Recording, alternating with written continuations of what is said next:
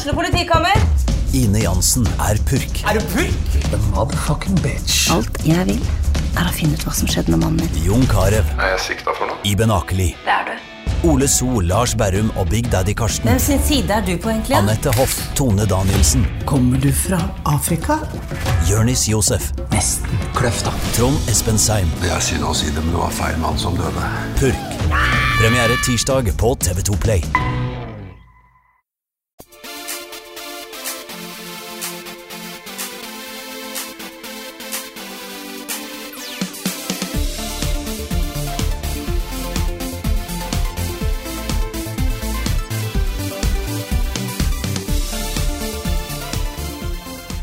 Hallo, alle sammen, og velkommen til en ny episode av podkasten Level Backup med meg, Frida Danmo, og med meg har jeg som vanlig og selvfølgelig Karl Martin Hogsnes og Rune Fjell Olsen. Hallo, folkens.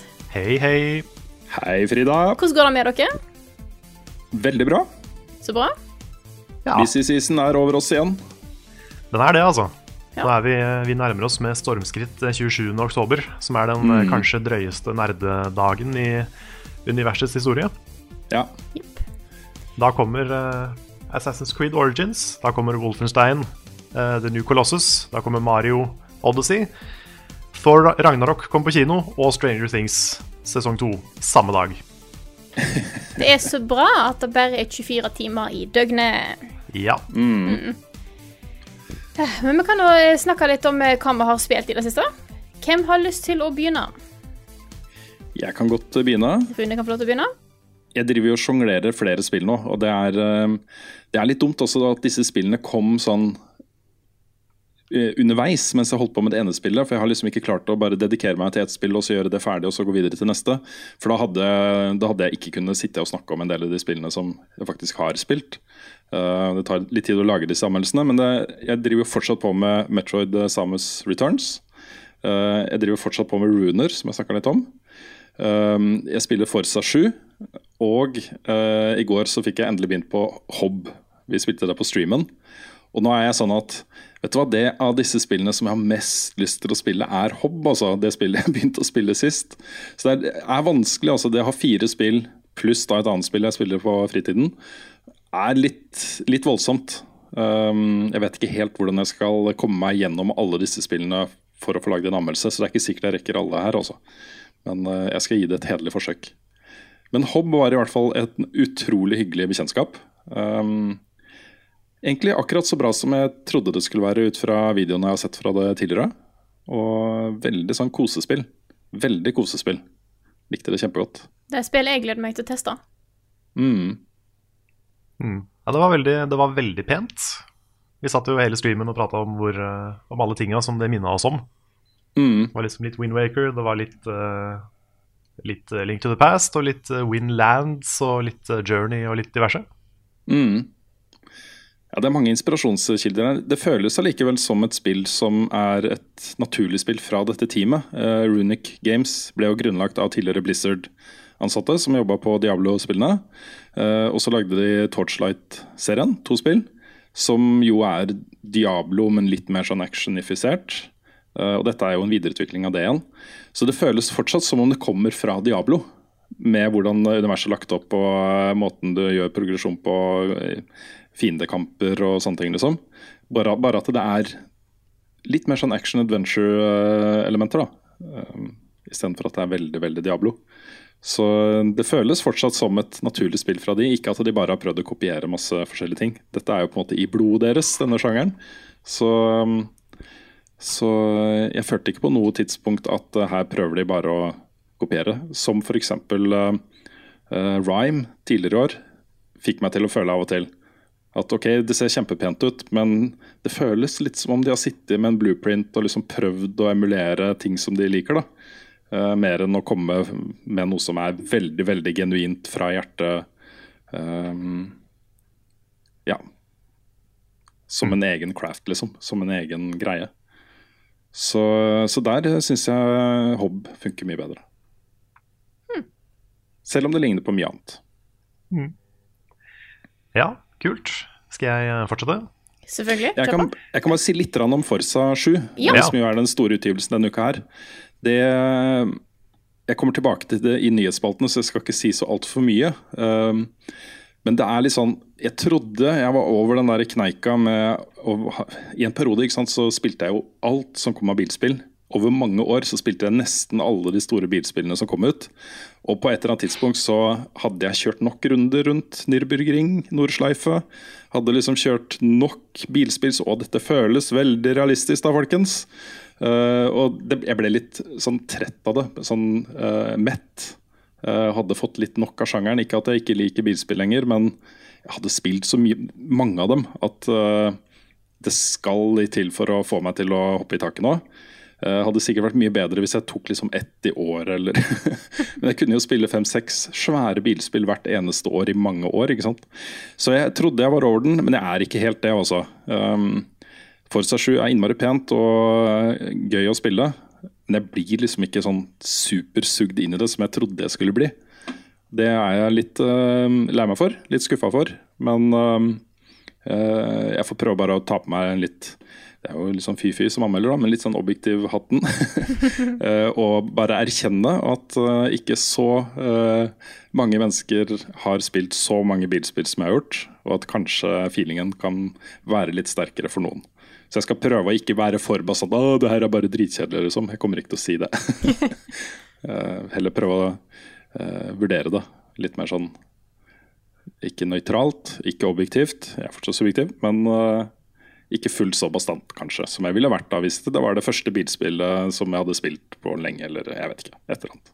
Ja. Det var litt sånn dårlig forklart, men jeg håper folk skjønner hva jeg mener. Jeg skjønner hva Jeg- du jeg har lyst til å komme fram til. Mm. Mm. Har du lyst til å fortsette, Karl? Det kan jeg gjøre. Jeg spilte jo også, det vil si jeg så på Rune spille Hobb eh, på stream i går. Veldig enig med det Rune sa, at det var eh, veldig spennende, veldig kult spill. Jeg har også eh, begynt på et spill som jeg vet at du har spilt, Frida. Ja? Jeg har testa Cuphead, Ja.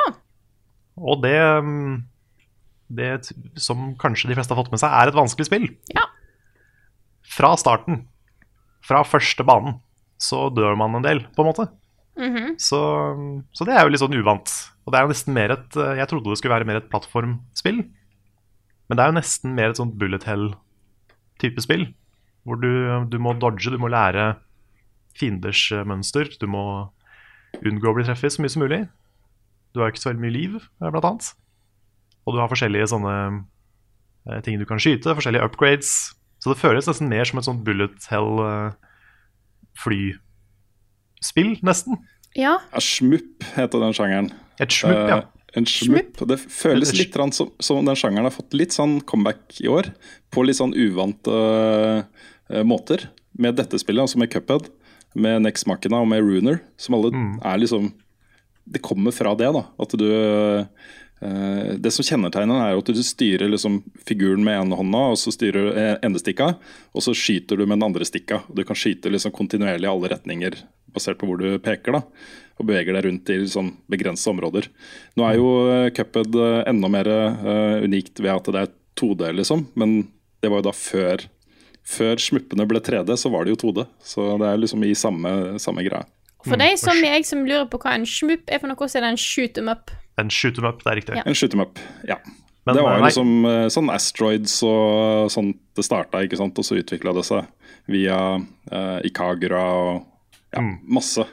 Men grunnen til at jeg sa det med, det med fly Fordi jeg følte liksom jeg gikk rundt her at liksom, ja, dette er sånn som man vanligvis gjør i et fly i et spill. Ja. Og så kom det en bane hvor du var et fly.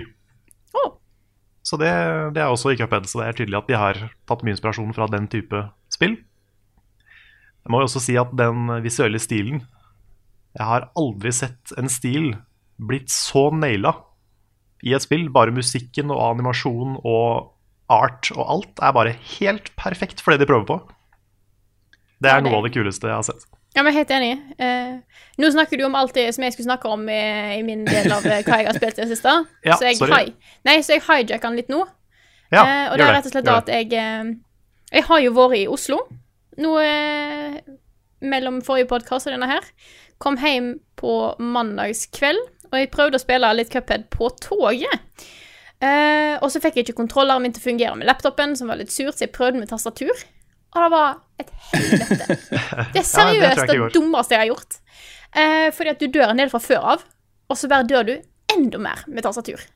Du, når jeg håper noen har filma deg nå med mobiltelefon og bare ha-ha, se spillanmelderen i Level Up prøve seg på Ja, ja. Da skulle jeg ikke ha jobba som spillanmelder, ass. Ja, ass. Nei, så jeg føler meg litt dum nå. Bare sånn det, det, Altså, det er vanskelig, og så gjør jeg det verre med at jeg har tastatur. Så det var litt sånn Jeg tror jeg, jeg spilte litt, og så bare sa jeg at no, no, dette kan jeg ikke gjøre. Jeg kan ikke gjøre dette her nå, for da kommer jeg bare til å få et dårlig inntrykk av spillet. For min egen del. Eh, og så eh, ja, jeg kom hjem sent mandag. Jeg husker ikke hva jeg gjorde på tirsdag engang. Det var travelt. Jeg tror jeg var sent hjemme da òg. I går var jeg ikke med på stream fordi jeg var på konsert. Jeg var på åpningskonserten til uh, Uka, Norges største uh, kulturfestival. Eh, det var en eh, sånn, litt mer sånn klassisk konsert i går. Så jeg fikk jo ikke være med på streamen, så jeg har heller ikke sett Hobb. Men i dag, folkens, i dag skal jeg sette meg ned og spille så mye Cuphead at dere skulle bare visst det, Jeg innser at dette er et sånt spill som jeg er nødt til å sette meg ned med og bare lære i fingrene og alt. Så da er min plan for helga eh, Det er bare liksom bli god i Cuphead. You must become Cuphead. Yes. Rett og slett get good her, altså. Mm. Ja, det er liksom Det er enda mer Git Good enn mange av de typiske Git Good-spilla. Fordi veldig mange sånne spill som folk hauser opp som veldig vanskelig, handler mest om å være tålmodig og lære seg mønster og sånne ting. Og du har litt av det i Cuphead òg, men her er det i tillegg ganske mye som er random. At uh, fiender skal liksom ikke hoppe like langt hver gang. Noen ganger så hopper de lenger, noen ganger så hopper de kort. Så det handler mye mer om reaksjonsevne. da. Så det er jo det er litt vanskeligere å bli god i, føler jeg også. Ja. Jeg tror du må bare Du må ha en sånn reaksjonsevne som bare er nesten umenneskelig, holdt jeg på å si. Men uh, jeg Jeg er litt redd for at man må være Nick. Ja. Så det er min, det er min tanke òg, egentlig. Så jeg bare håper, Mm. at, eh, jeg håper at jeg får dette her til, da. Uh, jeg antar at det kommer til å bli litt banning i, der, i rommet her nå de neste neste ukene. Jeg håper eh, Facecam. Facecam. Ja, kanskje det. Kanskje jeg skulle streame dette. Men eh, jeg regner med at det kommer til å ta litt tid å spille dette spillet her, mest fordi at jeg har det, har det litt sånn travelt nå. Jeg fant plutselig ut at jeg har en frist for å levere inn en rapport for neste uke. Didn't know før i dag. Så, eh, men jeg skal prøve å få gjort det så fort som mulig. Men jeg må, dette spillet må bli god i, og da tar det tid. Så jeg skal prøve å få anmeldelsen klar så fort jeg kan, men eh, jeg har litt tålmodighet med meg, eh, folkens. Yeah. Jeg så, en, eh, jeg så en video på YouTube der var en fyr som, eh, som har eh, Han spesialiserer seg på å ta liksom bosser i vanskelige spill uh, uten å ta skade. Det er hans greie. No damage uh, og perfekte boss takedowns. Han har gjort noen på Dark Souls 3 uh, og sånn tidligere. Og han har gjort en på Cuphead. Alle bossene med A pluss rating. No damage taken. Én etter én, liksom. Alle sammen. Så tok jeg én av de, da, som jeg, jeg tok ikke liksom de aller vanskeligste, for jeg ville ikke spoile en, en av de eh, senere bossene i spillet, liksom. Men i Level Update så la jeg inn da en som var det da tredje-fjerde bossen, eller noe sånt. Så jeg bare Jeg, jeg syns det så veldig imponerende ut. Så fikk jeg høre da at alle må gjennom den. Det var en som kommenterte alle må gjennom Ja, den bossen. Så alle faktisk- klarer jo dette. Det er faktisk eh, Det er noe i det, fordi du må jo faktisk Hvis du skal 100 i Cuphead, så må du gjøre det. Mm, Da må du ta alle bossene uten å ta skade. ja. Så det er eh, Hvis man, hvis man setter det som mål, så, så må man jo dit. Jeg ble bare så imponert av å se den videoen, så jeg tenkte meg ikke så godt om eh, der. Men eh, ja. Vi får se da hvor mange som klarer å fullføre det 100 Mm. Jeg skal ikke 100 av det før jeg anmelder, for å si det sånn. Det er ikke planen. Nei, da kommer kanskje den anmeldelsen ut i 2019. Ja, jeg tror, ja. Kan, Kanskje Q4 2018. Ja, og da, da er du nok eh, litt sånn uh, Lei. Ja. Litt lei og litt sånn traumatisert av uh, tungt år. Ja. Så jeg tror, jeg, tror ikke at 100% er målet før jeg skal sende inn den anmeldelsen. Nei. Jeg må jo, jeg må jo nevne at jeg fikk et uh, tips på stream i går. For det er et spill som jeg har gått og venta på uh, siden tror jeg 2013-14. Som jeg plutselig fikk vite i går at kommer ut om noen timer. For oss, okay. når vi tar opp. Ja. Og det er A Hat In Time. Oh, Det visste ikke jeg hadde kommet ut i dag, men det gjorde det. Så det har liksom vært i alfa og i beta i uh, flere år. Og det har sett veldig koselig ut. Det er en sånn, uh, et forsøk på å gjenskape Super Mario Sunshine, Mario 64, den type spill. da. Og har liksom alltid vært litt spennende, så det skal jeg sette meg ned med så fort jeg kan.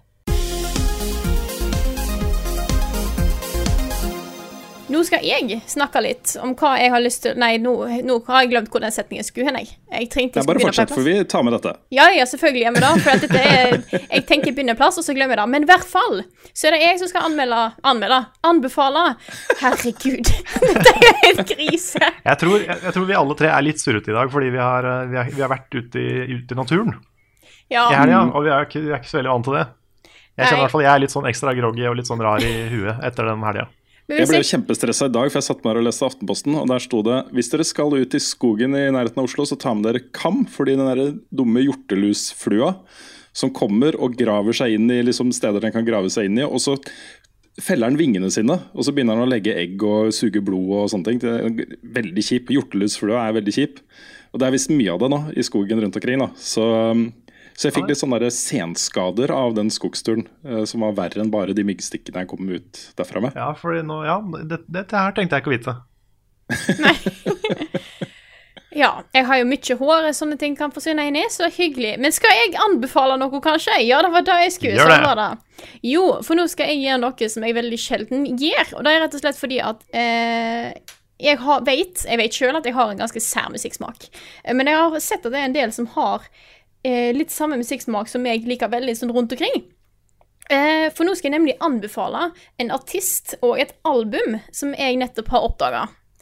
Eh, og jeg velger å ikke gå for det aller særeste, for jeg har litt sånn av og til litt sånn sære greier. Men nå skal jeg anbefale et prog-rock-album. Som er bare dritfett. Som er en sånn kombinasjon av liksom progrock eh, og litt jazz og litt eh, sånne greier. Kjempestilig. Og da er en artist som heter Thank You Scientist. Thank You Scientist her, altså, med albumet eh, Spesielt og albumet Stranger Heads Prevail. Og da er Det er vanskelig å forklare hos, eh, hva sjanger dette er, fordi det er så mye blanding av alt mulig rart. Det er altså progrock, jazz fusion, noe greier. Anbefaler spesielt å høre introsongen, prolog Faint Applause og Mr. Invisible, eh, og egentlig og alt annet. Bare høre gjennom hele albumet. Det er dritkult. Det har jeg gått og var eh, hørt på Stranger. Heads, Hva sa du? Stranger Heads Prevail, ikke sant? Ja, Stranger Heads Prevail. Mm. Jeg sitter oppe med Spotify, skjønner du, så nå har jeg lagra den. Ja. Eh, jeg har egentlig bare hørt på det nonstop, liksom sånn bare på repeat, i et par uker nå. Det blir bare bedre og bedre. Så det er litt eh, kult å plutselig bare finne en artist som bare sånn Jeg elsker. Mm. Jeg um, er ikke sånn Jeg har prøvd meg på progrock en del ganger, og noe av det liker jeg. Noe av det syns jeg blir litt for dramatisk. Men um, uh, jeg vil gjerne sjekke det ut. Ja, for akkurat det som er derfor jeg faktisk velger å anbefale dette her, da, fordi at jeg har uh, dette er mer Det er enklere, på en måte, å eh, få inn uh, enn noe av progrocken, for noe prog-rock er veldig sånn derre taktskifte i hver takt og litt sånn heavy greier. Dette er mer sånn en veldig hyggelig blanding av eh, melodiøs rock og litt, med litt jazzelementer. Det er noen dritkule eh, trompetelementer og saksofon. Og en plass har de vibrafon. Det er så mye kule instrument som er med her. Eh, så anbefales rett og slett for at det bare er stilig. Da spør jeg deg, Rune, er du klar til å fortelle oss om litt nyheter som har skjedd den siste uka? Ja, Egentlig så er jeg mest klar for å gå på kino og se nye Blade Runner-filmen. Jeg ser liksom eh, folk har lyst til å gi den terningkast 7 og 11 av 10. Og Den får ekstremt god anmeldelse, i hvert fall her i Norge. Alle jeg har sett har vært toppkarakter. Wow. Um, så, så det er egentlig det jeg tenker mest på om dagen. Men jeg kan godt ta noen nyhetssaker også. Det Ja, det hadde vært, Siden vi har på en måte en hel spalte her, hvis du ikke Ja. gjør det, så sliter vi litt, på en måte. Og jeg har også en kremsak å starte med. En oh. kanskje årets største eh, og kuleste nyhetssak. Er dere klare? Ok. Ja. Du kan klappe katter og andre kjæledyr i Assassin's Creed Origins. Åh, Ah, shit. da er det oppe en... på Game of the Year. Ja. Ja, ikke sant? Mm. Dette var en feature som var uh, i noen av de tidligere uh, Assassin's Creed-spillene, men så var det helt borte fra Unity og Syndicate, men nå er det tilbake. Eh, og det er også sånn at Hvis du stopper og klapper en katt, så vil den følge etter deg en stund. Så eh, jeg liksom, Det er en sånn bølge med preview-greier ute nå. De har hatt sikkert et event med influencers fra hele verden. um, og alle snakker om dette her, hvor deilig det er å klappe disse kattene. Så Det er litt er å på en veldig gjøre de en del av verden, og ikke bare liksom bakgrunn. mm. Jeg er helt enig. Jeg blir liksom alltid litt sånn Sånn som i, i uh, Breath of the Wild også. At ikke jeg kan gå bort og klappe disse hundene som kommer bort for å hilse Ja, de hundene er så altså, At ikke du kan klappe de, Ja. det er krise. Nei, det er litt patche. krise, altså. og jeg prøvde sikkert 20-30 ganger, bare for å, i tilfelle jeg hadde trykt på feil knapp forrige gang jeg prøvde. liksom. Eh, Så ja. Nei, Det er veldig fint at jeg er tilbake. Det er en sånn eh, Det er kanskje, virker kanskje ikke som så mye når man sier det høyt, men når man spiller det, og den følelsen, liksom Jeg, jeg har lyst til å klappe alle hunder jeg går forbi på gata, f.eks. Så det at jeg har muligheten til å gjøre det i et spill, gjør at jeg føler dette er liksom en litt mer naturlig ting, da. Ja.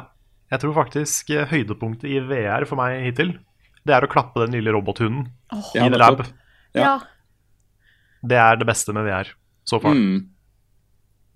Jeg syns Eh, klapping av dyr bør være obligatorisk i alle spill, hvis det er dyr med. Ja, det burde det også. Mm. jeg kan også se ut fra disse preview-tingene som er ute. Man skal ikke stole blindt på dem, for det kan hende at eh, det er noe de ikke har catch up. Men det ser ut til å være en litt sånn unison følelse av at Assassin's Creed er tilbake eh, Ja. som den var. Så jeg har fått eh, litt høyere forventninger til spillet nå. Mm. Det er jo et Eh, godt tegn at de har tatt et ekstra år på å utvikle det. Mm. Kan også bare nevne et par mindre nyheter som, uh, um, som også er litt sånn quality of life uh, improvements. Eh, du kan nå togle om du skal ha på deg hetta eller ikke, wow. som, som er litt kult når det er et tredjepersonsspill og, og sånt. Eh, og så kommer det en photomode. Jeg er sånn, noen ganger så syns jeg det er kjempegøy å holde på med fotomode og ta kule bilder og sånt, andre ganger ikke. Men i et spill som er liksom lagt i gamle Egypt og med alle disse fantastiske scenene, og sånne ting, så tenker jeg at det kan bli en ganske kul ting. da. Så det var det. Den lanseres jo da eh, på denne Nerdfest 2017, som jo er eh, eh, Var det 23. oktober? 26. 27. 27. 27. 27. oktober. Eh, Jeg nevnte også tidligere i eh, episoden at eh, jeg skulle komme tilbake til Forza 7. eh, Og dette er en sak som har vært veldig interessant å følge. I Forza 6 så ble det introdusert det de kalte et VIP-medlemskap. Som rett og slett var en permanent XP-boost. Så hver gang du fullførte et løp, så fikk du dobbel eh, Og du fikk også raskere da, tilgang til de bra bilene og, og alt dette her, liksom. Mange valgte jo å ta det, eh, ta dette VIP-medlemskapet. Det fulgte noen requirements. Du måtte liksom gjøre det så og så bra på disse løpene sånt for at denne XP-boosten skulle eh, kicke inn. Men, eh, men det ble en veldig populær modus. Og Nå har de jo da i forkant av Forza 7 solgt også en VIP-pakke, også en VIP-versjon av spillet, som inkluderer VIP-medlemskap. eh, uten å fortelle spillerne at de har endra uh, VIP-medlemskapet. Det er ikke det samme lenger. Um, originalt nå da, før Forza 7-lanseringen, så ble det da kjent at istedenfor en permanent XP-boost, så får du noen, eh, eh, noen mods, en boost-mods med begrensa varighet. Du kunne bruke de fire løp, og så var de ferdig. Uh, så det var jo mye mer sånn Folk begynte å tenke ok, skal du begynne å selge disse booster-greiene som mikrotransaksjoner i tillegg. og så Det var masse sånn. Folk ble jo kjempesinte. De hadde jo kjøpt en VIP-medlemskap-versjon av spillet, og så var det ikke det samme VIP-medlemskapet som de var vant til å bruke. ikke sant? Så eh, Microsoft og Turn 10 har fått så mange, mange reaksjoner på dette her at de har snudd. Det gamle VIP-medlemskapet innføres igjen. Um, det tar litt tid, de skal sette seg ned og lage det og implementere det i spillet. Uh, og som et plaster på såret så får alle som har kjøpt den versjonen, uh, fire gratis biler og en million credits som plaster på såret. da. Så ja. det her bare viser at uh, det å protestere på urettferdige uh, ting og litt sånn slibrig markedsføring uh, uten liksom fine print engang, om at her har vi liksom endra ting litt, folkens. Vær klar over det før dere bruker pengene deres. Um, at det virker å protestere. Det er kjempebra, altså. Det det er helt sant. Bare aldri, aldri la deg bli vant til de tinga der. Fortsett å protestere, så går det, hender det i hvert fall at det funker. Mm. Og jeg, jeg, jeg, Det er virkelig hatten av for Microsoft og Turn 10 her, at de faktisk snur. Fordi dette er jo en sånn ting som kanskje ville ha storma i en uke eller to. eh, og så ville det lagt seg, og så hadde det kanskje Ja, ja, da innfører vi disse mikrotransaksjonene, og så går det fint. Ikke sant?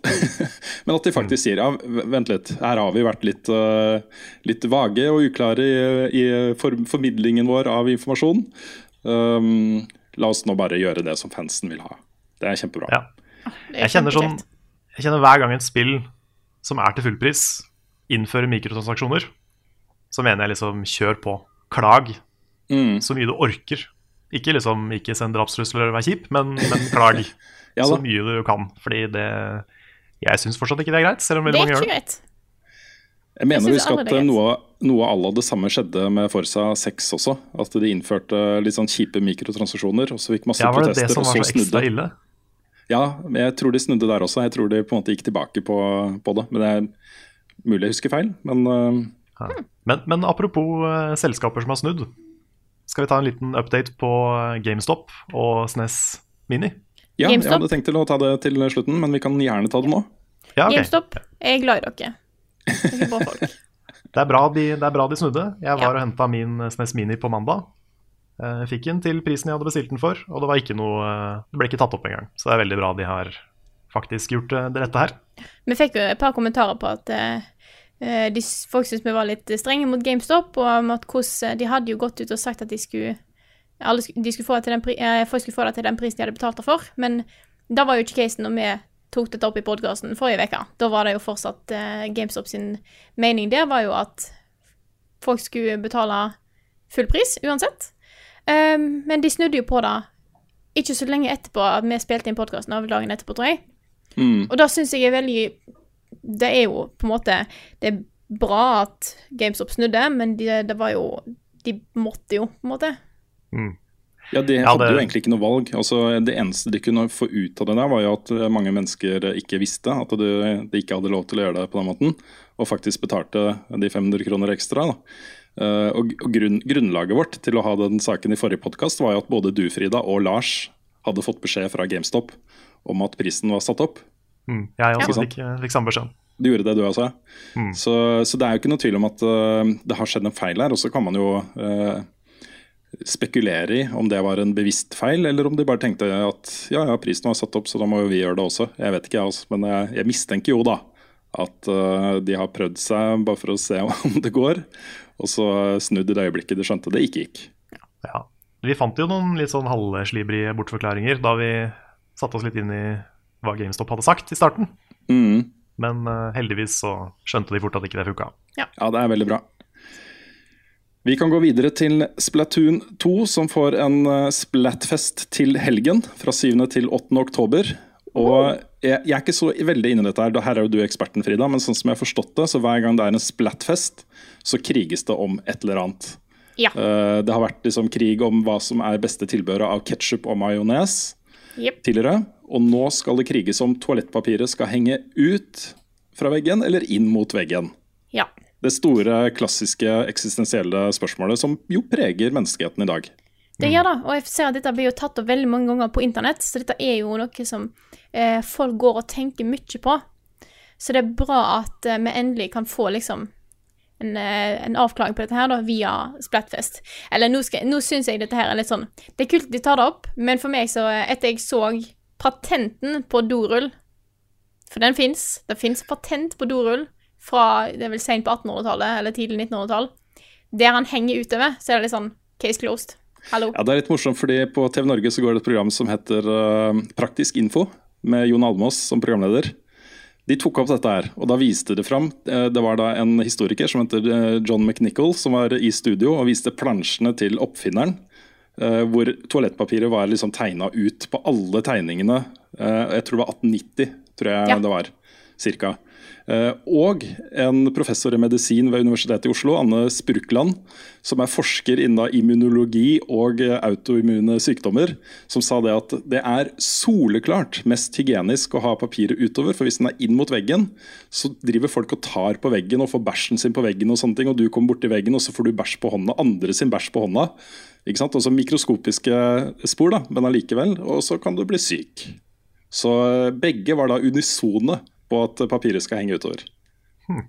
Men det betyr jo da, da kan vi jo spille Splatoon og vite at vi er på riktig side. Nettopp. Og da er de andre liksom hedninger, og da kan vi bare ta de. Ja, faktisk. Så det er like at her kan en faktisk bekjempe ondskap i Splatoon. Man kan Ja. det. Og så må jeg også er fint, nevne eh, at uh, fint å få den muligheten. Ja, også det må også- jeg. Jeg må også nevne at uh, Thimbleweed Park, dette herlige adventure-spillet som kom ut tidligere i år, var det en option i menyene, hvor du kunne velge da, om dopapiret skulle henge utover eller innover. Stemmer det. Så Ja. Jeg har jo en, eh, en sånn drømmeduell i Splatoon. Det kommer aldri i verden til å skje, men det hadde vært veldig morsomt om de kjørte Xbox versus PlayStation. Å, herregud. Ja, det hadde vært kjempegøy. Det, Det hadde vært- synes det hvis, hadde er vært siste, altså. hvis det er den siste de gjør, da hadde jeg faktisk eh, Da hadde jeg sendt et brev og sagt liksom det var morsomt. mm, Men den siste Splatfesten, om jeg husker rett En av de siste i hvert fall som var på originalen, var jo Callie versus Marie, som er jo de to Ja. programlederne i spillet. Og den Splatfesten avgjorde hvem som skulle bli bad guyen i spill nummer to. nice. Det var stilig. Har en siste nyhetssak som jeg også syns er veldig morsom. Altså. Um, nå er det jo uh, Nå i helgen så starter jo uh, den åpne betaen av uh, Star Wars Battlefront 2 fra Dice og EA. Uh, men det fins jo et annet spill som heter akkurat det samme. Istedenfor romertall 2 så heter det tall 2. Star Wars Battlefront 2. Det kom ut i 2005, men er fortsatt tilgjengelig på både Good Old Games og Steam. Til noen tiere, liksom. Uh, og nå da, denne uka her så ble multiplayer gjeninnført i det spillet. Det ble fjerna, og nå er det gjeninnført. uh, da trolig av Disney. Um, og det er jo liksom det samme greia. Er inntil 64 spillere. Det er jo et gammelt spill, men det er crossplay. Så man kan spille da, hvis du har Good of Game-versjonen, så kan du spille med Steam-spillere og vice, versa. Jeg syns jo det var litt funny, at et liksom tolv år gammelt spill vender tilbake rett før det kommer liksom en ny versjon av dette her nå i høst. da.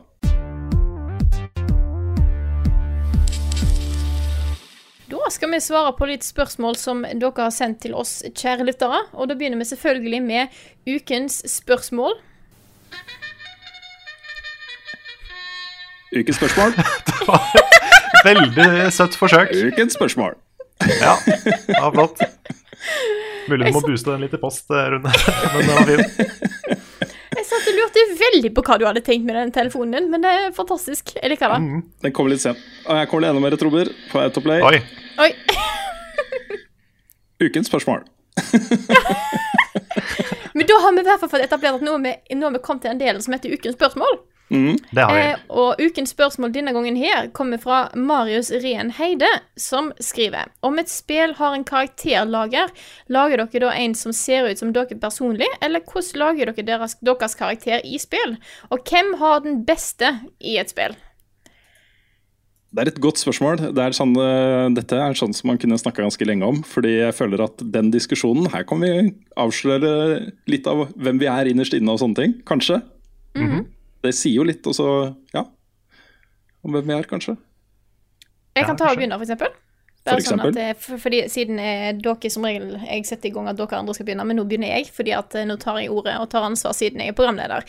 Nei, eh, jeg pleier ofte å prøve å lage en karakter som ser bra ut, og så putter jeg på langt hår, og så er det meg. Ja. Ikke fordi at jeg nødvendigvis er bra men det er sånn, jeg orker ikke prøve å få til ansiktsformen og sånne ting. Men det er litt sånn Jeg, tar, jeg lager jeg lager ei dame, og så putter jeg på langt hår, og da er jeg fornøyd.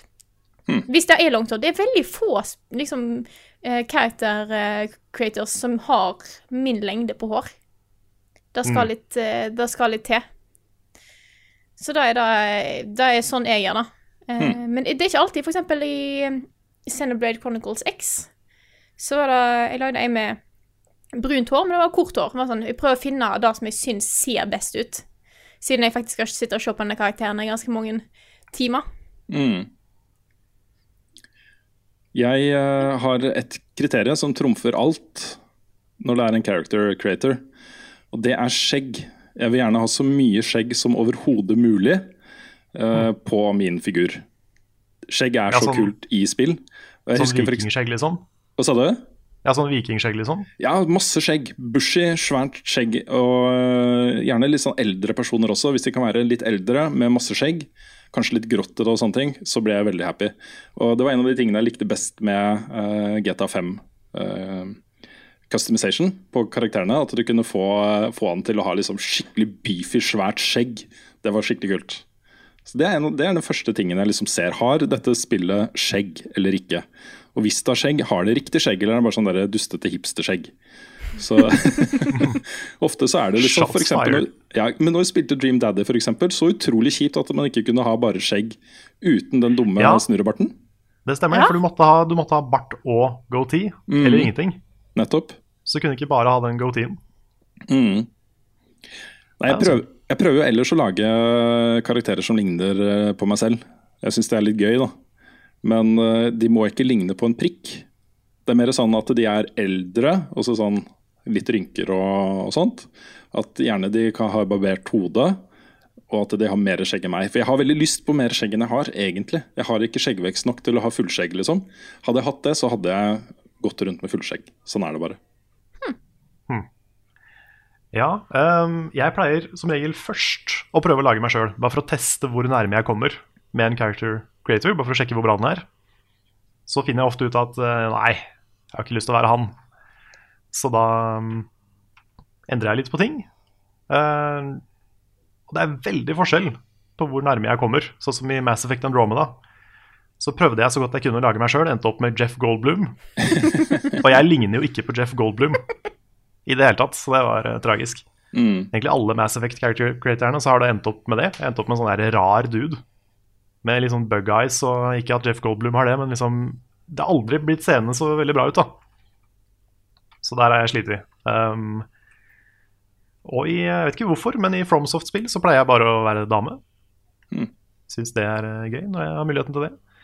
Destiny også, ellers så bare er det egentlig helt random. Noen ganger lager jeg meg sjøl, noen ganger så lager jeg noe som ikke ligner på meg i det hele tatt.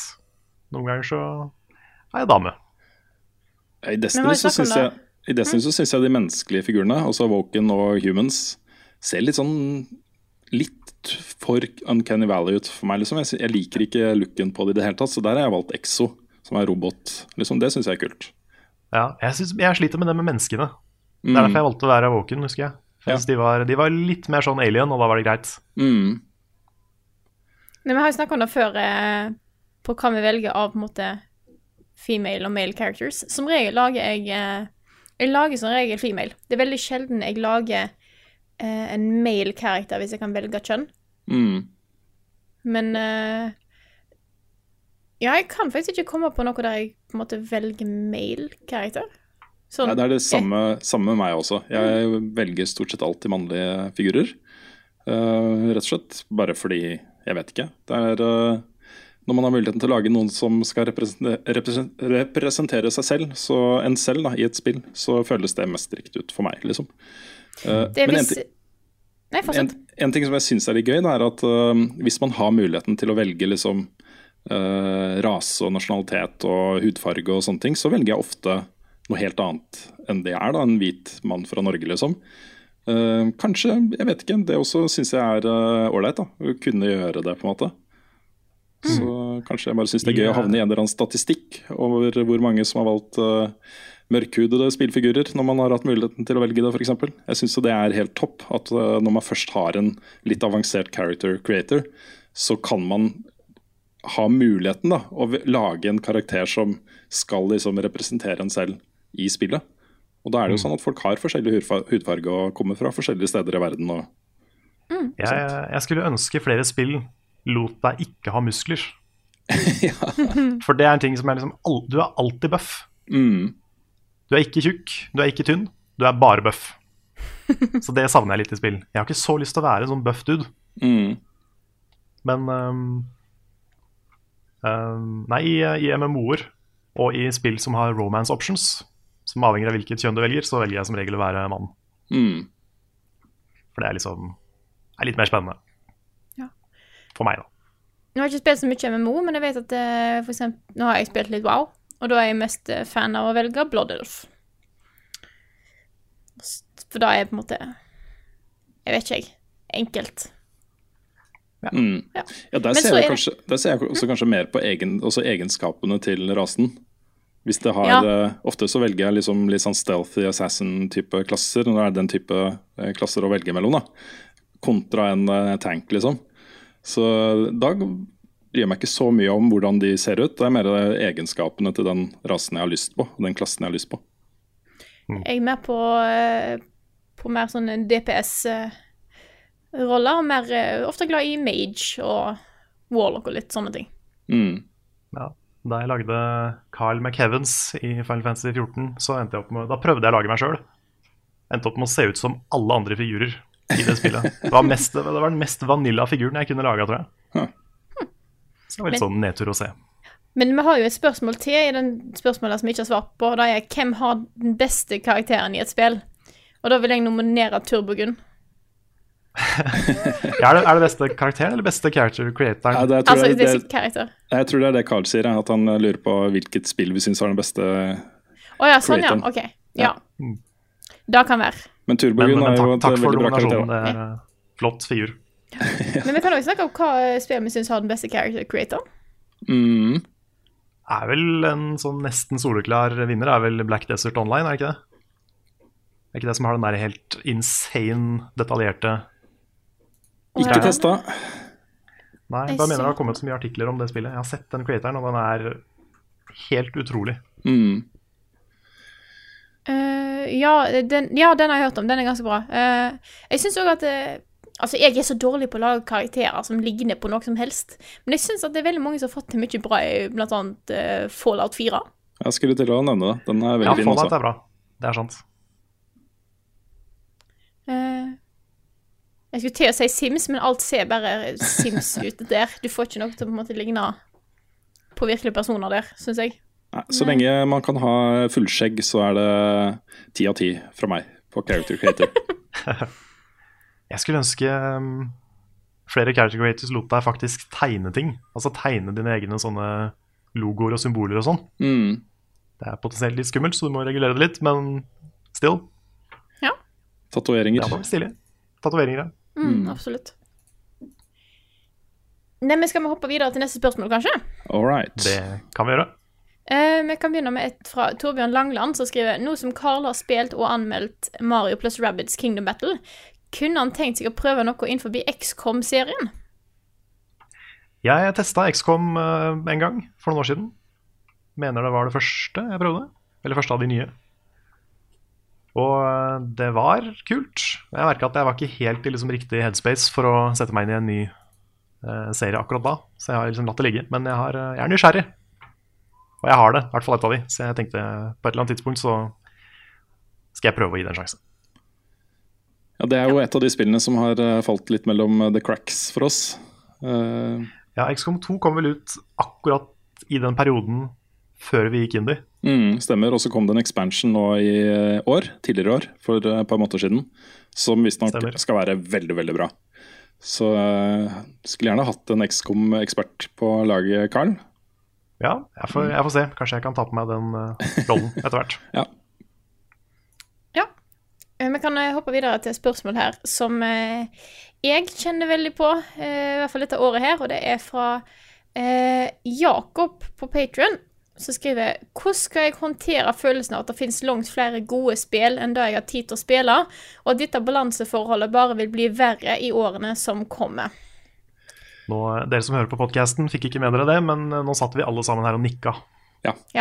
For dette her føler vi, alle sammen. Ja, så til de grader. Det, man, Ja. man får jo ikke spilt alt. Det går jo ikke. Det er uh, teknisk umulig. Eh, Og det er litt hjerteskjærende at man ikke får spilt alt som er bra. Det er det, altså. Ja, vi jobber med spill, og vi har ikke tid. Mm. Så Jeg har jo Jeg ser at det, på en måte min, min plan om å spille Nier Automata før, før jul, den går jo, den går jo i dass, den. Mm. Det går jo ikke opp. Det er liksom Nå er det uh, Cuphead nå, og så er det Det er ikke mange ukene til Mario Odyssey kommer ut. Og da har jeg det en liten stund, og så har jeg jo Så er det jo Det var det Xenoblade, da, og da er jeg opptatt resten av året. Men det er litt sånn også, man må, man må kose seg med de spillene man spiller, og ikke være for trist eh, for de spillene man ikke får spilt. Eh, For sånn er ting bare, liksom. Man må eh, Det kan gå skikkelig gærent med deg, eh, Jakob, hvis du går rundt og er deppa eh, for alle spillene du ikke får spilt, rett og slett. Bare kos deg med de spillene du faktisk får spilt, så går det nok Ja. bra. løsningen er vel en sånn der, holdt på å si sånn buddhistisk eller noe zen-greier, hvor du bare må liksom le leve i nuet og sette pris på Mm. det som er akkurat nå, de tinga der, da. Det er lettere sagt enn gjort, men det, det er bare det man må gjøre. Ellers så har vi jo ganske gode trygdeordninger i det landet her, da. Så Ja, Just skal vi saying, oppfordre til at folk saying. bare slutter i jobben sin og ja. spiller. Åh, nei, jeg eh, Hva var det jeg skulle si, da? Jo. Eh, du kan heldigvis trøste deg på en måte, jeg vet ikke helt hvor lett det er å si dette, her, men at det er ikke alle spillår som er som 2017. Eh, 2017 har vært et sprøtt år med tanke på store spillutgivelser. Mm. Eh, Så forhåpentligvis så blir det litt Forhåpentligvis, forhåpentligvis i veldig hermetegn, så blir det bedre til neste år. Mm. Eller du, ja, det er vanskelig å si Ja. dette på en god måte, for at du vil jo selvfølgelig ha mange store, gode spill, men så har du ikke tid til det. Så det er sånn Nei, men jeg tror faktisk hvis, eh, hvis det hadde kommet et pauseår nå, hvor alle tok seg tid til å spille alt det de ikke hadde hatt tid til å spille, det er nesten det hadde vært litt bra for, uh, for holdt på å si, folks spillbibliotek, altså. Jeg skal ringe FN jeg, og foreslå, foreslå et, uh, et pauseår for spillindustrien. Bare sånn at alle får Mm. mulighet til å catche up. Høres ut som Men da må, vi bare, da må vi gi alle spillselskapene lønn, Mm. så at ikke de går under. Late som vi Og kjøper spill, liksom. seg, ja, så kan de bare ta seg tid til å lage spill i et år, Mm. og så kommer alt det bra året etter. Men da bare start med en GoFundMe, og så ordner det seg. Ja. Mm. Jeg har et lite trøstens ord, da. eh, Og det er, eh, et, det er subjektivt. Men det er, som jeg ser det, også sånn at noen spill som uh, som har vært liksom banebrytende, fantastiske, dritbra og sånne ting, blir på en måte litt erstatta av nyere versjoner som gjør på en måte det samme, men med 2017-teknologi istedenfor 2009 eller 5 eller 1-teknologi. Så det er noen av de, Ta da f.eks. Star Wars Battlefront 2 eh, fra 2005 versus Battlefront 2 fra 2017. Hvis det blir bra, da. Det ser jo ganske bra ut. Det er mange som ville, hvis de sitter og ikke har spilt noen av dem, som ville ha valgt 2017-versjonen fordi det oppleves som et bedre spill i dag. Så mm. eh, det, det kan hende at noen er uenig med meg i dette her, men eh, noen spill er jo liksom udødelige. Men eh, eh, ja. Ja, men jeg skjønner hva du mener. Jeg har tenkt litt på det i forhold til uh, Spec-Ops. For det er et spill som jeg har haussa opp en del opp igjennom. Mm. Uh, som jeg fikk tips om fra Easy, nei, fra, ikke fra Easy Allies, fra Extra Credits back in the day. Og da de kom ut, så var jo det ganske revolusjonerende, sånn historiefortellingsmessig og sånn. Men siden da så har det kommet en del spill som gjør litt av det samme. Mm. Og det er ikke sikkert den opplevelsen er like sterk i 2017 som den var da det kom. Så det er litt sånn, litt sånn synd å tenke på, men eh, jeg vet ikke. Mm. Vet ikke åssen det er å spille det spillet nå. Jeg syns jo det var eh, fantastisk da det kom, men, eh, men jeg vet ikke. Nei. Ja, men da eh, setter vi strek der, og så går vi videre til neste spørsmål her, som skriver eh, Neste person som skriver, og navnet er Nei, navnet er selvfølgelig da Jon Magnus Restad, som skriver Hva er deres proudest moment som spilljournalister? Eh, og en som person overhodet. Oi, Person der skulle jeg forberedt meg. ja, person over hodet er lett å svare på. Det er de to barna mine. Den, eh, det å overvære en fødsel eh, hvor du er 50% av opphavet til, eh, til det barnet, er liksom det, er sånn som de sier også. Det er det desidert største og mest fantastiske man kan oppleve, Også. Det, det er det. Så er det jo mye mer slitsomt det som kommer etterpå, liksom, enn det mange tror. Men eh, i hvert fall det øyeblikket, det å være stolt, liksom. Holy moly, altså. Det, det kommer jeg til å huske alltid. Så, så den er lett. Men det er selvfølgelig veldig mange spilløyeblikk som overgår eh, det øyeblikket. I, nå, jeg, nå tulla jeg. Jeg bare Ja. det. Jeg bare tulla jeg. Det er sånn da du fikk unger og da du fikk Fatebringer. Det er litt sånn ja, ikke sant? eh, vanskelig. Ja. Jeg sa jo det på tull en gang. Vi hadde klart et raid. Eh, det var oss Ja, stemmer det. Det var, så, det var nesten litt sånn Oi. ja. Men jeg var så glad, og så tenkte jeg liksom mens jeg var så glad da, at jeg skulle tulle med deg, liksom. Og Dette var det største øyeblikket mitt. Det var større, var større enn da ungene ble født, eller sånn, sa jeg. Jeg husker ikke. Ja, du sa noe sånt. Og det ble litt stille. Ja, ja, ja. Jeg mente jo det selvfølgelig ikke. Det var bare Nei, nei, humor. vet det. Men uh, det hørtes veldig feil ut i, i settingen, kanskje, for noen. Men uh, ja. Nei, For min del så blir det mer sånn, eh, sånn kompetitive ting. Og vært med i eh, klaner som har spilt turneringer og vunnet viktige kamper. Det er liksom Det er det nærmeste jeg kommer sånn store, store, fantastiske øyeblikk uh, i spill. da. Uh, større enn å ta de vanskelige bossene i Bloodborne. Større enn å naile et raid i Destiny. Det er liksom det å som et lag nedkjempe folk som man tror kanskje man går inn i kampen og tenker at ok, vi kommer til å ta på dette her, men så vinner man eh, og spiller bra liksom som lag, det er eh, Det er dritgøy, rett og slett. Jeg husker ganske tidlig i min spilljournalistkarriere, hvis jeg skal snakke om min, mitt proudest moment som spilljournalist Uh, En av de første gangene det var sånn OK, jeg legger ut en anmeldelse, livredd. Hva skal folk synes om dette her? Er jeg flink? Alt dette her greiene der. Så får jeg en melding fra Rune der det står at det var dritbra. Jeg bare Yes! Win. Uh, nei da. eh, og i tillegg eh, Det som faktisk kanskje står over som meg som spilljournalist, var når vi var på Spillekspo i fjor. Når vi hørte Dpad snakke om Owlboy, og de tar fram min anmeldelse. Uh, og Joremi snakker om hvordan han begynte å grine av den, og da begynte jo jeg å grine, så det var sånn Men det var litt sånn Den traff en bare sånn Shit! Mine anmeldelser betyr noe, på en måte. Mm. Så det var litt kult. Ja, det er ikke min eh, Det er ikke favorittvideoen min eh, på noen som helst måte, men eh, kanskje da jeg var liksom mest stolt over meg sjøl, det var da jeg hadde vært aleine i Boston. Det var en av de første tingene jeg gjorde etter at jeg fikk jobben i VG. Og reiste aleine med fly til en Assassin's Creed-event og lagde en reportasje. Eh, Intervjua en haug med folk fra Ubisoft. Eh, Var så nervøs at jeg begynte å prate med folk ved siden av meg på flyet og sånne ting. Det er sånt jeg aldri gjør. Jeg fikk til med en fyr til liksom, fordi jeg syntes det var morsomt på videoen, så fikk jeg en fyr til å liksom legge seg og sove på skulderen min. Bare for å bruke det i videoen. Um, var så utrolig stressa på å liksom få dette her til å funke. Det var liksom første store jobben min for, eh, for level up. Og det gikk, gikk bra til slutt. Da var jeg veldig fornøyd. Det gikk veldig fint, eh, Karl.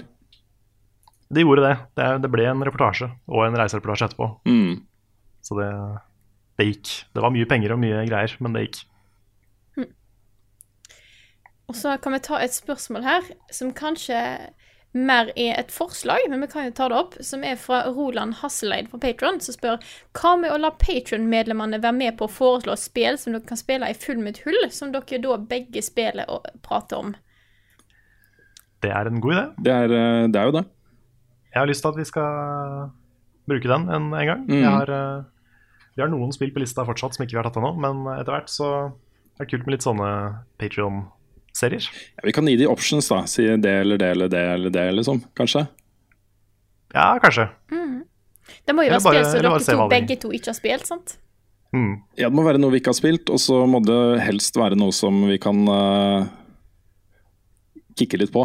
Altså Vi prøver jo å velge ut spill som vi tror Altså Jeg velger jo et spill som jeg tror Carl kommer til å digge, og omvendt, ikke sant? Um, og det er jo på en måte litt av grunnlaget for den spalten. At vi skal um, prøve å, å fylle ut spillbiblioteket til uh, den andre med noe bra, da. Ikke sant? Mm. Så, um, så det som er litt skummelt med å la folket bestemme sånne ting, det er jo at vi blir satt til å spille ting vi ikke liker, og så sitter vi der, og så må vi allikevel snakke om det, ikke sant.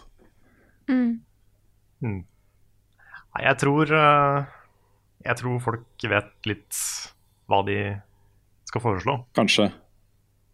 Så eh, vi kan jo bare se litt på forslag, eh, se hva folk stemmer på etter hvert. Mm. Og så bare se liksom, er det mulig å ta det her, så gjør vi det. Og så hvis ikke, så må vi se på neste. Mm. Så det var et eh, veldig bra forslag. Jeg er med på å prøve det etter hvert. Me too. Nei, men Da har vi kommet til den delen der jeg spør dere om dere har sett noen spørsmål dere kanskje har lyst til å ta opp. Jeg har ikke sett noe. Nei, jeg så et Skal vi se. Skal jeg bare finne det fram her? Yeah. Kan, det, kan jeg ståle litt imens? ja. ja. Ble. Det, det, vi har kanskje, vi har kanskje snakka om det før, men vi kan ta en sånn kjapp, eh, en kjapp repeat fra Øystein Sørheim. Om dere måtte velge et Nintendo 64-spill dere ville hatt med i Nintendo 64 Mini, om den kommer, hva ville det vært? Ja, for vi har fått veldig mange spørsmål. Det har jeg helt glemt. Jeg skulle ta, si dette her i starten av liksom spørsmål og svar-delen. Men vi har fått veldig mange spørsmål om hva vi syns om Eller hva eh, spillkonsoller vi vil ha som miniversjon, og hva spill vi ville hatt på de konsollene. Mm. Vi kan jo ta Nintendo 64, da. Ja. Ja Det som er litt tricky med Nintendo 64 Mini, er vel at du, må jo ha Golden Eye på den. Mm. Og det er sikkert et lisensmareritt å få til. Med Pierce Brosnan og alle de skuespillerne og alt det som er med i det spillet. Mm. Og Så Rare som plutselig jobber i Microsoft da. Og Rare Ja, som er i Microsoft da. Ikke minst. Men eh, for min del så er det jo Donkey Kong 64 først og fremst som jeg vil ha der. Og Green of Time, Mario 64. Det er mange obvious. Alle spiller til Rare. Men jeg vet ikke, jeg vet ikke hvor lett det er å få alt det på én konsoll nå. Nei. Mm. Men hvis vi da tar eh, og ser Jeg har ikke så mye å tilføre på Nintendo 64-fronten, siden jeg aldri har eid det og aldri spilt det. Men hva konsoll ville vi hatt som miniversjon? Med liksom topp 20 spill til? Ja, da ville jeg begynt med PlayStation 1 for min del. Ja, er enig. Én eller to. Ja, og så etter hvert to. med først Ja. én. Det hadde vært, ja, det hadde vært digg å bare ha hatt en del av de uh, altså Tomb Raider, uh, Metal Gear Solid, um, Rayman, Rayman, Final Fantasy 789. Uh, Wipeout Ja. Jeg innsatte Resident veldig lite for PlayStation 1 når jeg har spilt heller, for da hadde jeg heller ikke. Mm. Jeg hadde venninner som hadde det, så jeg har spilt mye Harry Potter på PlayStation 1. Det var good shit. Mm. Ja. Jeg har skjønt at noen av de var bra. Altså, jeg kan ikke si at det, det er bra nå. Jeg husker det var bra når jeg var sånn åtte. Ja, ok. Og da føler jeg at den kritiske sansen min som person ikke var helt utvikla ennå. Jeg drev og anmeldte Nei, det- alle disse Harry Potter-spillene hvert eneste år, og Ja. de kom ut på åtte plattformer og sånt. Det kommer sånn på uh, PlayStation 1, PlayStation 2, PC, GameCube, Xbox og så ja. Alt. Det kom på alt. Ja. Ofte så var det forskjellige versjoner. Altså En versjon til PC som var helt noe for seg selv, og så var det en annen versjon til liksom, PlayStation 2, Xbox uh, og GameCube. Og så var det en helt annen versjon igjen til PlayStation 1, og så en helt annen versjon til eh, Gameboy. Uh, og én versjon da til PSP etter hvert. Så det var liksom masse forskjellige spill. da Alle var sånn Ja, det er greit dette her, da. Terningkast fire, liksom. det var liksom ikke dårlig spill, men det var liksom ikke sånn superbra heller. Men uh, ja. Nei. Nei. Men um, to spill til vi måtte tatt. Det er Tony Hawk 2, mener jeg. Ikke én, ikke tre, men to. Og Mhm. Tekken 3. Tekken 3, ja, det måtte ha vært med. Det måtte vært med. Ja. Jeg tror de- de kunne laga en bra PC1 Mini, altså. Ja. Ja, den, det hadde blitt kjempebra. Jeg tror det har liksom Det, det er nå Det har jeg også snakka om før, da, men eh, det er jo så vanlig nå med sånn eh, pixel 2D-grafikk at det er en veldig sånn retro-bølge for akkurat det. Men jeg tror den der for eh, den litt mer sånn grovkorna PlayStation 1-æra 3D-stilen Kanskje med litt glattere teksturer og sånt, da, at det ser litt penere ut. Men det er noe med estetikken der som er ganske digg, altså. Hvor man må klare å få fram ganske mye informasjon med veldig få polygoner og lave eh, teksturer, liksom. Ja, du har litt av det i Sonic Mania med de bonus-stage-greiene. Mm. De er litt der. Ja. Ja. Men sånn eh, generelt da syns jeg egentlig den æraen av veldig tidlig PlayStation 1 3D er kanskje det som er vanskeligst å gå tilbake til. Mm. Jeg er enig. Ja da. Det sliter jeg. Men uh, tror dere det er sannsynlig at eh, Sony vil komme med en sånn uh, konsoll, nå som de ser at det er så mange andre som er på det markedet? Både Atari og Nintendo som har hatt så mye suksess med sine to. Ja, det kommer. Det var, eh, det var noen som kommenterte at det er vanskeligere pga. størrelsen på spillene. Mm. Men uh, kan man huske på at eh, 20 gigabyte det koster ikke så mye nå? Nei, om fem år så koster det enda mindre, liksom. Så på et eller annet tidspunkt så kommer det. De har jo disse spillene. Så De har lagd SD-kort på 1 terabyte. mm. Ja, det ikke er lagring får de til. Det gjør de. Så eh, jeg tror vel et PlayStation 1-spill er vel rundt en eh, underkant av en gigabyte, tror jeg, i størrelse. Ja. Det, det, det, vet, fint det vet jeg ikke pga. noe emulering eller noe sånt. Nei? Ikke, absolutt ikke det. Nei? Nei, nei, Så, nei. um, For mm. det er jo ulovlig. Ja, det, sånt driver vi ikke med. Nei. Så det. Eh, men da kan jeg ta et uh, Eller kanskje vi skal jeg, Hvis ikke vi har noen flere spørsmål, så kan vi jo egentlig nesten ta og gi oss. Men jeg kan tenke jeg skal ta et lite et uh, sist uh, nå til slutten. Nå, jeg vet hva, Hjernen min er så død den i dag. Det er helt krise. Det er sånn how, how to words, liksom. Nei. He. Da har vi et spørsmål her fra Mathias Kjølstad, som spør hva slags spill likte dere før, men som dere ikke liker nå? Og omvendt. Hmm. Har noe bra svar, så skal jeg tenke litt. Jeg vil eh, film smaker en film, sier jeg musikk Nei, fuck, altså! Spillsmaken min Hvor er vi i dag, folkens? jeg hele det her på noe? Spillsmaken min har ikke endra seg voldsomt. Den har ikke det, altså. Ehm, men jeg var nok litt mer glad i sånne happy go lucky plattformspill før enn jeg er nå. At jeg kanskje har gravitert litt mer mot uh, andre typer spill.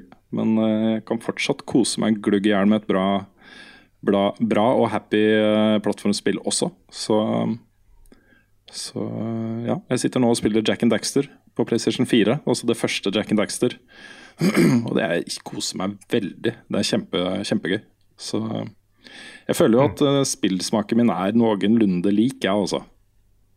Men det er kanskje liksom gjennom, eh, gjennom jobbsammenheng og sånne ting blitt mer nysgjerrig på ting som er litt annerledes og litt utenfor eh, komfortsonen. og ting, Spill som gjør ting litt annerledes og utfordrer meg på nye ting og, og sånt. Så kanskje litt mer åpen for å prøve nye ting enn jeg var for 20 år siden.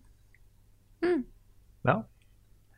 Jeg, Ja, ja, jeg- ja, jeg tror jeg var veldig sånn stuck når jeg var yngre. Veldig stuck i plattform-sjangeren.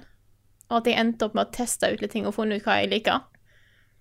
Uh, skytespill tror jeg kanskje ikke var en ting for meg, men så har jeg funnet ut at ja, det var litt kult, men så kan jeg ikke spille likevel, så det er på en måte Det er jeg den. Men uh, ellers er jeg ganske jeg er fortsatt fan av plattformer plattformere, men jeg har endt opp med å spille veldig mye mer variert. Eh, og egentlig bare funnet ut hva jeg liker. Det er få ting jeg har gått ned sånn Ja, jeg likte det før, men jeg liker det ikke nå. Ikke så mye, i hvert fall. Nei. Mm. Nei, jeg tror ikke jeg heller har slutta å like noe, sånn sett. Det er jo spill jeg spilte da jeg var liten som seinere viste seg at det ikke var så bra. Men, eh, men det er ikke en sånn sjangermessig som jeg bare har slutta å engasjere meg i. Men eh, etter at jeg ble spillanmelder, så har jeg jo vært eh, mer åpen for å teste nye ting. For å, jeg har spilt uh, litt FPS, og jeg har spilt litt uh, ting som jeg ikke har vært så mye inn i før, da. Og det er litt deilig. Å bare prøve nye ting og finne ut at det funker. Sånn som jeg trodde ikke Souls var noe for meg, f.eks., før Svendsen begynte å prate om det. Og nå er det I hvert fall noen av de spillene er jo på topp ti-lista mi. Mm. Eh, nei, jeg hadde jo Jeg husker at jeg hadde et eh, bilspill til GameCube. Need for Speed Hot Pursuit 2. Og jeg husker jeg spilte litt og syntes det var litt kult, men jeg ble aldri god fordi jeg var liten. Og jeg har innsett at liksom Det var kult å spille der og da, for det var det jeg hadde, men bilspill utenom Mario Kart liksom er ikke noe for meg nå i voksen alder. Det er ikke noe jeg klarer å se gleden av. Skal jeg fortelle deg en fun fact om akkurat det spillet, Frida, som er litt morsomt? Ja. Jeg syns det er gøy, da. Du syns ikke det er noe gøy i det hele tatt. Men akkurat Ah, ja. det spillet kom også i to versjoner. En til PlayStation 2 og så en til GameCube og Xbox. Og den versjonen til PlayStation 2 er mye, mye bedre. Ja. Mm. Ja, det, er litt, det kan faktisk gi litt mening, for jeg husker at det var andre som snakket om at jeg òg hadde hatt det spillet, men til PlayStation 2. Mm. Eh, og det fortalte om ting som jeg ikke kunne huske fra min versjon. Ja, ikke sant? Nei, men da, da har jeg lært noe nytt i dag òg.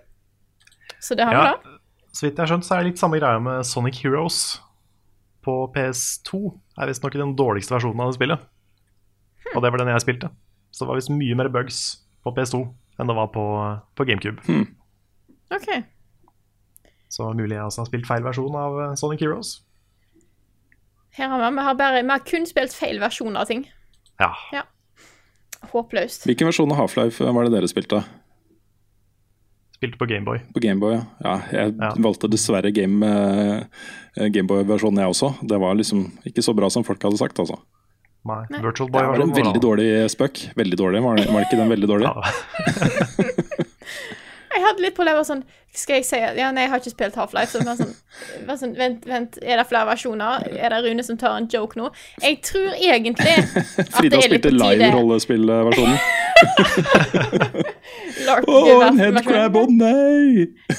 Nå gjør jeg ikke narr av livere, altså. Det er bare sånn for meg Frida og headcrabs. Ja. Åh, ja. Nei, men jeg tror at med den dårlige joken der, og våre ellers eh, litt rare setninger og litt ting i dag, så tror jeg kanskje at vi sier at denne podkasten her nærmer seg slutten. Mm, nå skal vi gå og finne fram kammen og se etter hjortelusfluer. Ja. Ja. Eh, koselig at du minte meg på det igjen, for nå begynte det å klø. ja jeg, jeg har klødd i huet helt siden du snakka om det. Ja. Det er, sånn, det, det er litt sånn som da jeg første gang jeg lærte om mid da jeg var liten. Det var sånn der, åh, jeg Kan ikke gå tilbake i tid da jeg ikke visste om dette her? You're welcome. Det er litt sånn, Jeg, har et, jeg vet jeg har et myggstykke oppi hodet, men det er sånn, plutselig noe sånn Er det et myggstykk? Var det egentlig gjort I don't know. Maybe. Kanskje jeg burde sjekke det? Kanskje det jeg skal gjøre etterpå. Altså, jeg gikk jo i skauen etter en fest en gang. Skulle gå og legge meg. Og en uke etterpå så syntes jeg det klødde sånn på ryggen. Sånn på et sted jeg ikke kunne se, da. Men så klarte jeg å få sånn litt glimt av det i speilet etter ca. en uke, da, eller fire-fem dager. Da satt det jo to sånne flott da, på ryggen min, som jeg hadde Ah, sovet på, gått med T-skjorte over og hatt på meg da i ja, nesten en uke. Det er sånn som kan skje. Ja, Ja. det er jo ikke noe gøy. Nei. La oss aldri bare gå ut igjen. Det er Ja. mye tryggere og bedre inne også. Ja, så der, eh, Og med det visdomsordet der, hold dere inne, folkens, for ute er det skummelt. Så tror jeg at vi skal begynne å avrunde denne podkasten her. Eh, og da vil jeg først og fremst si tusen takk til alle dere som støtter oss på Patron. Dere er fantastiske folk, og uten dere så kunne vi ikke lagd bl.a. denne podkasten her. Så We tusen love takk. you. Very much. Så hvis eh, du som hører på syns at eh, vi lager bra ting eh, og har lyst til å støtte oss, er det verdt å gå inn på Patron vår. Eh, Level Up Norge på Patron, selvfølgelig, for det er der det er Patron. eh, ja, så da tror jeg at jeg takker for oss. Eh, Takk for at eh, akkurat du hørte på denne episoden av Level Backup. Og så snakkes vi igjen neste uke.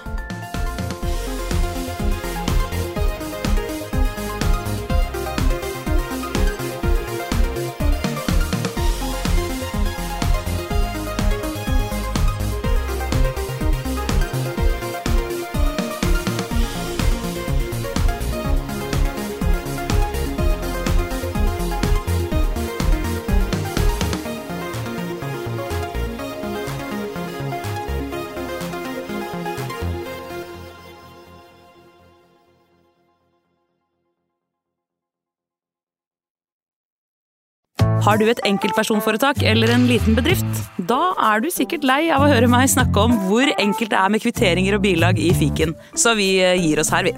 Fordi vi liker enkelt. Fiken superenkelt regnskap.